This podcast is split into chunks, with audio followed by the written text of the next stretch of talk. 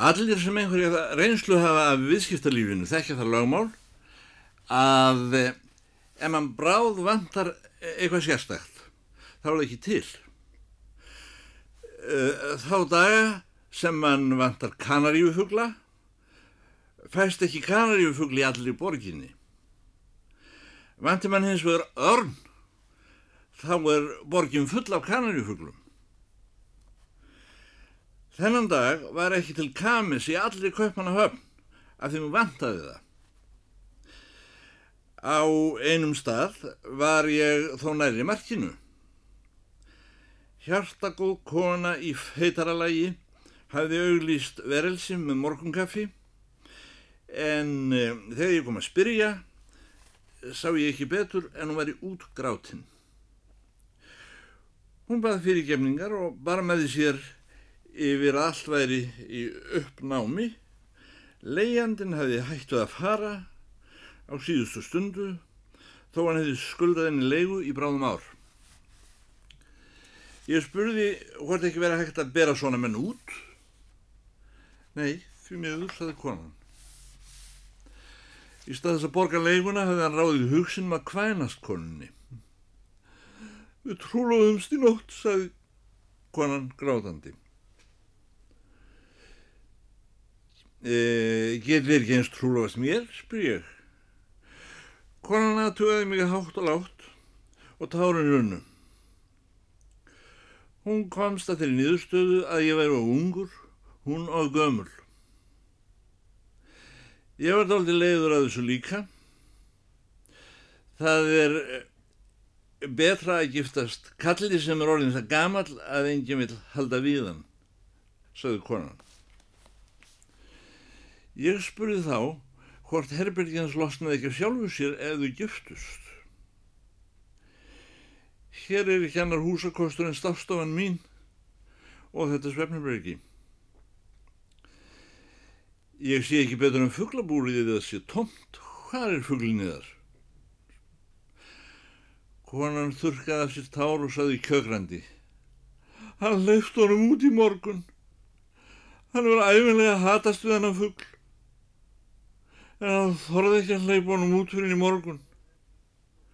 Ég hort grátandi á búrið fugglsins mís í allan dag. Þeir eitthvað að selja mér þetta búr, sagði ég. Ég er nefnilega fugglakaupmaður og maður vantar einlegt búr.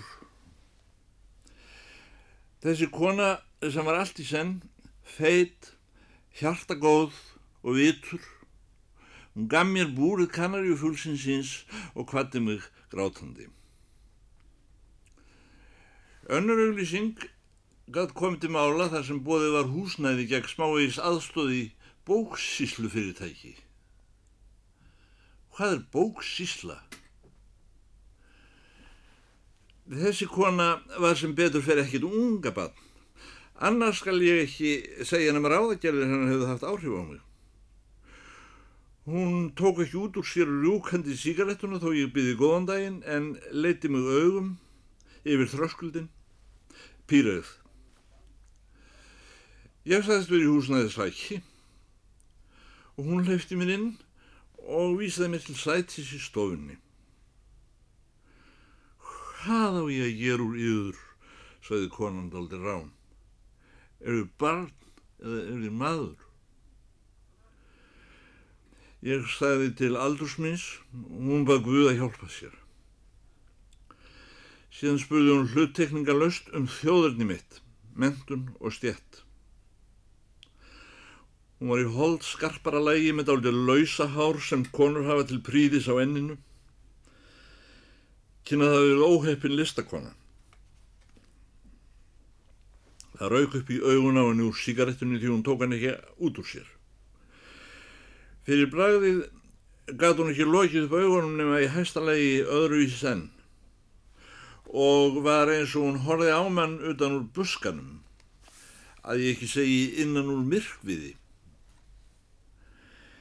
Eins og títur um konur sem fyrir á árum hafi verið taldar græfar en uh, nú byrjaði að fjúka í skjólinn hjá þeim leikum virðulega dömu sem unir því er ekki verður hjá komist. Og líður áfram annars hugar eða jafnvel gengur í svefni svo maður veit ekki allt í enn hvort hún heyrir það sem maður er að segja.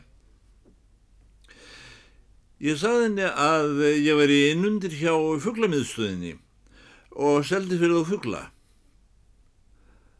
Þá bað hún Guð aftur að hjálpa sér að þessu sinni í hljóði. En þegar ég saði skrifa stundum í blöðin, það þótt henni betra. Það var líka nær ráðagerðum sem hún hefði uppi. Spyr eh, hvort ég sé ekki tilleganlegur að setja upp bókabúð á Östurbrúi í félagi við hana og uh, við skiptum ágóðan jæmt. Ég sagðist þú að hugsa mig um. Æ, ógn eru þér bláir um nefið, segir konan og er orðin svolítið mannlegi hugsanarhætti. Ég er vissum að þér eru songur gengur að mér og skoða á mér hárið. Hárið á þeir eru gullt. Komið með mér frem í eldús. Ég ætla að steikja þér hakkeböff með ekki á með þér að hugsa. Og hún setti svo mikið lauk á pönnuna að mér vöknaði mögu og ég ætla ekki að ná andanum fyrir stippu. Síðan opnaði hún gluggan og breyti á borð fyrir mig í eldúskroknum sínum og tók upp bæjar handa mér. Hvað er þér að vesenast með þetta tóma fugglabúr, sagði konan. Þér með eiga það, sagði ég. Ég ætti nú ekki annað eftir, sagði konan. Svo er ég búin að borða og stóð upp á hneiðingu fyrir koninni. Um leið og við göngum gegnum fordirið líkur hún þar upp dýrum til háls og segir Vil ég ekki leggja þér henni hérna rúmið með þér að hugsa? Gerið þér svo vel. Ég skal vekja þér þegar kaffi kemur. Því miður verð ég að hafa hratt á hæl í dag, segi ég. Verkefnin galla að. En ég vonaði láti svo lítið að þykja þetta fugglabúr til endurminningar um mig. Hvað á ég að gera við fugglabúr? Sagði konan, grátubond og hækkaði róminn eins og henn hefði snöggbrúðist tökinn og hlutverkinu.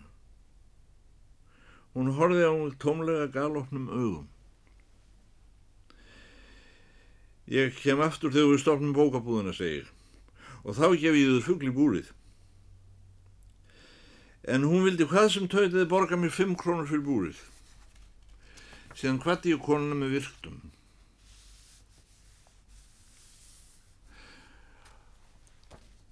Fjórði kapitúli Vorkvöldi Kaupmannahöfn. Likla vörðurinn á Pallas segir. Það er íslensku selskapur upp hjá grósirann eru þér bóðin með leiði Þegar ég ringdi við gangdir svítunar kom dönskumælandi maður á ökla hlífum til dýra nefndi sig, sló saman hælum og neyði sig Baron Pól Gottfredsen frá Hofsós, sekretér, kom á Holland í dag. Ég saði til mín og væri nýkomin úr Svíþjóð og hefði ætlað að gista hjá gamlum hjónum í vannlösi í nótt en uh, þau voru þá farin á hestbakk. Grósirinn býst viður, saði sekretérinn. Þér meði sofi mín rúmi því ég verð út í bæt frá klukkan punkt 0000 til punkt 1200. Nótabeni frá miðnætti til hádegis. Ég hef aldrei áður heilt þannig tekið til orða um klukku en nú er þetta orðið fast um allan heim. Þetta var nokkur svona paraball þar sem menn dönsuður reyndar ekki við dömnar heldur sátu á glúpum golfdúknum og, og heldu utanum þeir. Mér síndust kallmennir allir vera landar, suma þekkti ég í sjón, en stúlkurna gáttu verið hvaðan sem var, sömnt ég að mér löndur. Það var sungið. Það var ég fer seg og voru hló. Að væna hitt ég mig og hún var mjó. Þá greið mig ákveð ást sem aldrei deyr, en af og til þó brást þá sögu heyr. Íslands Bessi satt út í hodni út af fyrir sig og var að súpa á. Einn maður held ekki utan um dömuna sína en disputeraði ímest við Bessa eða held ræður fullar af skríkurhlátrum sem ekki virtust koma af neinu skoplegu allra síst fyndni hann sjálf sem raunar var ekki öðrum skiljanleg en það brosti engin annar. Kanski var hann að hlæja að sjálfum sér að vera farin að íla með úlfum í borgarlegu samkvæmi. Hann sagði okkur öllum þætti vendum Íslands besta, þó hann veri auðvaldseggur. Úli múvelsta tunnu var sagt við fransmið hér heim í Reykjavík þegar ég var að aðrast upp. En það brúðumst við fljótt við í vor þegar Bessi sagði við okkur á kutanum einnar Úli múvelsta tunnu af því sólinn fann að skína öfugum megin á tunnuna. Nú höfum við verið að velta fyrir því tunnu síðan um páska bæði á, á Kristjánsvapn, út á Ámakri og viðar að fölskvalauðsli smáborgarlegri ætti er það rást, bókstaflega án þess einu sinni að nefna dagsbrúnarteksta hvað þá meir. Og nú þegar þú heldur okkur veislu hér á Pallas, í tilimni þess að þú býður okkur að hætta að velta tunnu í fyrramálinn klukkan 5 og þú hefur ekki haft meira upp úr þessu en við sjálfur og auðvaldið hefur enn einu sinni sannað vannmátt sinn. Já, þá heitum við þér því að við munum gefa þig fyrsta síldarkomissar verkamannar ríksinsins á Íslandi eftir byltinguna.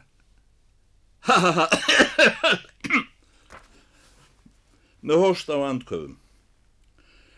Skál fyrir þér og fyrir byltingunni og uh, la rúsiskaja, socialistitjaskaja, sovjetskaja, federativnaja, respublika. Íslands besti. Þú eru sama sem verið í Rúslandi og, og ég er sama sem verið í Rúslandi. Við töluðum báði við Litvinov þegar hann var hér í vetur. Ég hef aldrei talaði að feitan og vittlausan mann, nema sjálfan mig. Ég hef bauð honum 40.000 tunnur og borga senna borgað ári, eftir tvö ár, tíu ár, aldrei. Síld fyrir fjórar miljónir sænskar, handa sveltandi þjóð, vesku, skuldmyndingalöst. Það vildi ekki einu sinni ræðamálið.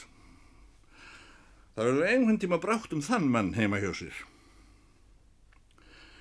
Bolsífikinn hló á þann hátt sem Bolsífik að hlæja að barnaskap borgara.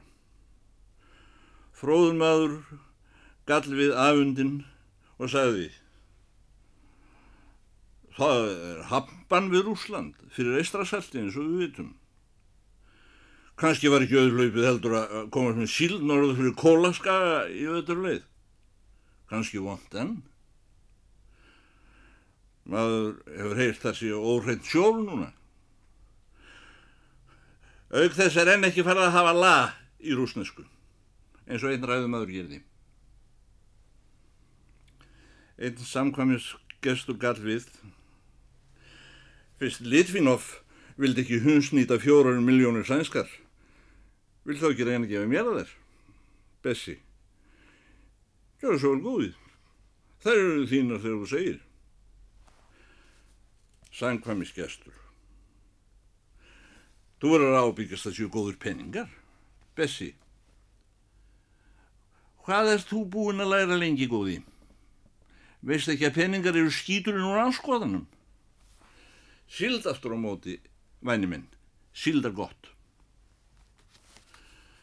Samkvæmisgesturinn, svona asnið eins og þú, Bessi, ættir að vera kjur í dagsbrúnarvinnu heim á Íslandi. Bessi, þakka þér fyrir vinnur. Það er ekki aftur, ég veit ekki að allir dagsbrúnarmenn eru sjálf kjörnin til himnaríkis. En því miður, Íslandi er haldið á floti af banka í London. Íslandi getur sokkið á morgun eða vilja í London.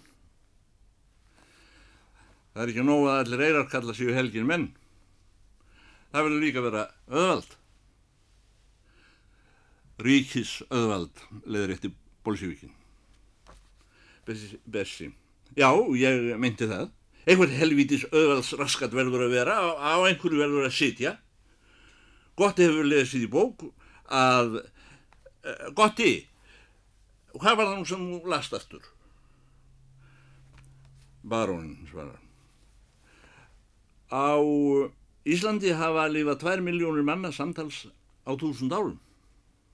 Á tilteknu svæði í sjónum norður og austur af Íslandi búa 150 miljónir tonna af sild á einum áratug, 300 miljónir á tveimur. Það hefur reiknað út í Hollandi. Íslandsbessi. Sko gott að, hann veit allt. Nú var það ekki bolsjevíkin eitt sem hlóð þó hann hlægi hæst, heldur samkvæmið allt nema stúlkurnar. Þær vissi ekki almenlega um hvað verið að tala eða það fundi ekki púðrið í svona fyndni. Þó spurði einn á Íslandsbessi alla þessa síld. Dagsbrúnar sinni. Allur ágóðiðum fram dagsbrúnar kaup myndast af því að ekkjur og munaðarlausir hafi verið rúin. Íslands Bessi. Já, segi, við, við rýjum ekkjur. Mínar fóru heim kauflausar á djúpavíku fyrra. Við báðum þær líð okkur til vorsins. Nú komum við fram á sumar. Kanski fá þær ekkert kaupi sumar heldur. Kanski fá þær ekkert fyrir nettum 25 ár. Þeir veit okkur ekki lán út á ekkjur í London. Guð ekki heldur. Það eru munarlýsingar, vel á minnst, ég á fullt hús af þeim. Íslandsbessi er sjálfur munarlýsingi, frá rótum. Hver hústur ekki mér um ángan? Okkur munarlýsingum er bara sagt að ég er skýt. Allt í lægi með okkur. Skál. Nú ekki meira kæftar í. Færði nú að þukla stelspunnar. Ég held ég fari nú að fara, sagði hámenningarstúlka og stóð upp á gólfinu. Svona tala á ekki við mig. Fleiri stúlkur tóku sama strengin. Pildarnir sendur reyndar ekki í fyrstu ókýrð damna sinna, þó voru bros þeirra orðin ögn seirin þegar þeir lyftu glösunum. Bólsívikinn hilt áfram að hlæja. Gunna hans gæti ekki heldur varist brosi af því hvað allt er barnalegt út í bláin í borgarlegum samkvæmum. Mér finnst svífurlegt að láta auðralösa landa sína í köpmanahöfn. Bláfátæka menn, sveitast blóði að velta tunnu, án þess einu sinni á orða borgunum við mennina, aukinn heldur meira. Slikt og þvílegt gæti öngum dottir í hugnema Íslandingi, saði slúrkan. Íslands Bessi stóð upp, helmingi þingreinarir menn og gekti stúlkunar og tók seðlaveski sitt og veit stúlkan nú ekki fyrir en hún stendur með kampung mannsins í höndum og þrygt á hann með gullstöðum BH. Gjörðu svo eða væna mín. Þetta er buttan mín, þú mátt eiga hana, segir hann. Ég veit hún skiptir bróðulega svo allir hafi efni á að drekka sig niður á morgun. Segðan sest, sest hann aftur og fær sér sopa. Nú lág beint við að svo ágætt kona endursendi lítilekkandi gjöfa bræði. Það var þó ekki. Í stað þess leiðir hún samkvæmið augum og spyr hvort hér finnist enginn sá inni sem blíðist sín að láta sildargrósýra af Íslandi gera sig að ofinberi littu og hábornu fýbli. Áttum við þá að fljúa á Íslandsbessa og lemja hann. Þetta var hvern maður eins og í njálu. En þegar engin njála gerðist, snýr konan sér að kavaljara sínum, svo að segjandi. Hvur sá ég að gjalda að þú, þinn sveitar larfur, dyrfist að bjóða dömu að koma innan sjóskrýl og veri rétturinn þinn að ég sparkað á þér. Það gerði nú samt ekki, heldur létt við sitja að, að reyka ástmanni sínum utanundin með mertum eh, kampungi eh, Bessa Hjálmarssonar og eh, grítt honum þvínast í gólfið og var hann tekinn til handagags af dauðari mönnum til stórræða en svo kona hefur verið og er hún úr sögunni. Nú fara ymsir að innbráð því að gaman verið að sjá hvað mikið verið í buttunni. Umburðarlindarrattir kváðu upp úr að einlýtt væri að menn tækju þakksamlega velmyndri gjöf og skiptu henni eins og gjafarinn hefði lagt fyrir. Bessi Hjálmarsson held áfram að dreipa í viskiði sitt meðan talið var upp úr buttunni hans og það reyndust 3700 kallar danskir en sumum fannst nokkuð lítið koma í sinn hlut. Bersi Hjálmarsson reyndi að hugga menn. Heimurinn er nú ekki einu sinni stærn en þetta, segir hann. Hótelherbergi þar sem sitja 14 gestir fyrir utan gestjafa og boðflennur og 37.000 krónur eru allir þeir peningar sem til eru í heiminum og heimsendir á morgun. Bolsjevíkin neytaði fyrir sína hönd og gunnu að taka við hluta þessu fjö, sagði að um, egalitarianismus væri ekki sósialismi, heldur mennsjevíka bullhanda smáborgur um hálfutum og kjæftakillingum. Lenin væri enginn jafn sléttum aður. Aug þess skils mér að hér séu komnir eskatologistar. Spurning, hvaða fólk er það? Svar, það eru heimsendisfræðingar. Nú erum við öndar á það. Einn spyr, hvað á þá að gera við peningana? Og annars svarar, kaupa brennivín. Nógu viski í skapnum, segir barónin og Hofsós. En hann var ekki talinn, fyrir mjög en ég, þó annað fólk væri talið og reknað og haldið hlutkjengt. Kaupa bröð, segir einn eskatologistinn. Er ekki til nóga sneiðargotti minn, spyr Íslandsbessi. Kanski ekki um aldur og æfi, saði barónin, en ef heimurinn fest í fyrra máli þá höfum við nóð þangað til. Indisleg stúlka fær netta hugmynd. Getum við ekki sett upp búð? Getum við ekki vesla með tau? Allir þessi strákar í vondum fötum. Enginn er í sjakkarna með Bessi Hjálmarsson. Eða væri hérna fatabúðum myndi ég kaupa honum kukk mínum sjakkett og langrandóttar buksur. Bessi Hjálmarsson spratt á fætur, snaraði sér úr sjakketnum, veði hann í vöndur og ætlar það næst að fara úr buksunum. Flestum þótti þetta mikil skemmtun, en sumir voru ekki fullkomlega ánaðir svo sem bolsífíka hjónun. Þau sögðu að þegar marxismin væri komin út í heimsendiskuðufræði ofan á jafnsléttustefnuna þá ætti betur við að bjóða heim smáborgurum en bolsívíkum. Þau hló ekki meira, voru enn blá, kvötum við virktum. En kvöldi var samt ekki liðið. Reykningsglöggur beinstefnum aður sagðist alltaf leifa sér að benda á að hér hefðu verið 16 minn inni á stundu gjafarinnar þó að undanteknum gjafarann. Nú voru tveir farnir. Aftur á móti hafði einn óvendur bæst við auk barónsins. Sögumadur, sem sagt ég. Með leifi teljast þeir. Ég er boðflenna, sagði sá sem er fugglaköpmaður og skáld. Baron, ég hef aldrei verið talin með munnum. Ég er danskur aðalsmaður. Afi minn og langafi voru selvstöðu kaupmann og hofsús. Reykningsmaðurinn, það þarf samt að deila upp aftur. Með hvaða tölu á að deila Bessi Hjálmarsson? Íslandsbessi var svo hrifin að þessari lausn að hann glemdi að fara úr bukksónum og fá stúlkunni. Hann gekk til jafnsléttum hansins, laði lofan á aukslónum og sagði Nú skaltu heyra góða vísu lagsi. Ég fer með hann einu sinni. Ef þú getur lært hann að skaltu hó krónu, ef ekki fæ ég krónu. Svo erfið getur vísan verið að það borgi sig ekki að taka hann í akkordist að ég afslittum öðurinn. Uh, Bessi, uh, þú leggur þína krónu þarna og ég legg mína krónu hérna og nú fer ég með vísuna. Síðan fór hann með vísuna með sínulagi. Útgengu kappara krukka.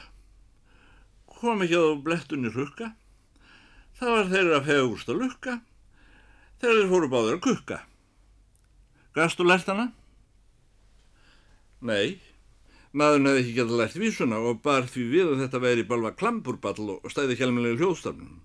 Svo Bessi Hjálmarsson tók krónamannsins til sín og stakk henni í vasasinn sem hræna nágóða eftir daginn. Mm, þetta kvöld hefði líklega sendt orðið á endakljáð. Hefði ekki síð komin gestur lift hurð frá stöðum og gegst inn, varlega. Í því ráðinn að vekja öngvan.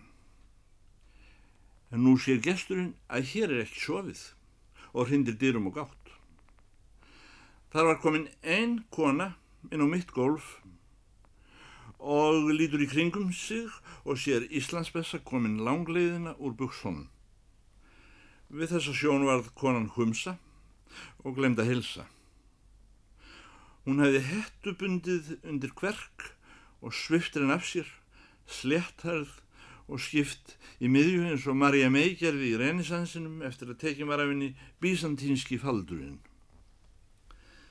Ég held Bessi Hjálmarsson hafi enn ekki tekið eftir að hún var komin en nú heyrir hann röttanar á bakvið sig og flýtir sér að hissu upp buksurnar aftur. Hinn ókunna, forviða, næstum hvíslandi. Herra Bessi Hjálmarsson. Allt dætt í dúnalogn og Íslandingum rann kallt vatn millir skins og hörns að heyra samlanda sinn herraðan í ávarpi sem eins og kunnugt er þekkist ekki nefnum í útlandum reyðurum. Hvernmenninir stukk upp í fangið á kavalýrum sínum, spyrjandi, Guð er þetta konannas? Íslands bessi gekka konunni og myndist til hennar. Konan neygaðist ekki. Hann nefndi nafn hennar fyrir gestum sínum. Þetta er nulla. Barun greið fram í. Já, það getum við sko ekki bórið fram hér í Danmörku. Nulle. Lengra komumst við ekki. Nullar hefði hvorki legni lið en einblindi á Íslands bessa eins hún segir öðru sinni í senn ásakandi og harmtrungin og á ekki orð. Herra Bessi Hjálmarsson. Íslands Bessi held áram að kynna konuna þar sem fyrir var fráhorfið. Þetta er fangjæsla mín af Djúbvík.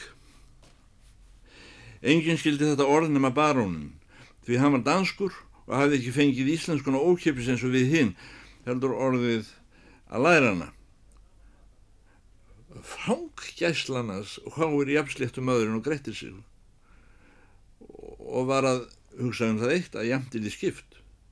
Og eigum við þá að deila með 13 Herra Bessi Hjálmarsson saði konan í þeim tóni sem vantir að hafi í þriðju viðvörun og taknar að nú séu síðustu forvöld að bæta ráðsitt einhvern veginn fannst gestum þessi skemmtilega kvöldstund verið á enda og fóru að týnast burt margir kvötu franst Einstökum aður þakkaði þú fyrir sig og sagði fegin vildi ég eiga þig að, Bessi minn. Hann sagði takk fyrir þið veldu fyrir mjög tunnu og ítti þeim út um dittnar ef þið röntlaði að fara að vefja. Sumar dömunnar bent á gestjafan um leiður gengu aftur á bóku út og sögðu Hýjum á Íslandsbessa! Fangjæslan stóð eftir um miðju gólfi þegar gestirnir voru farnir.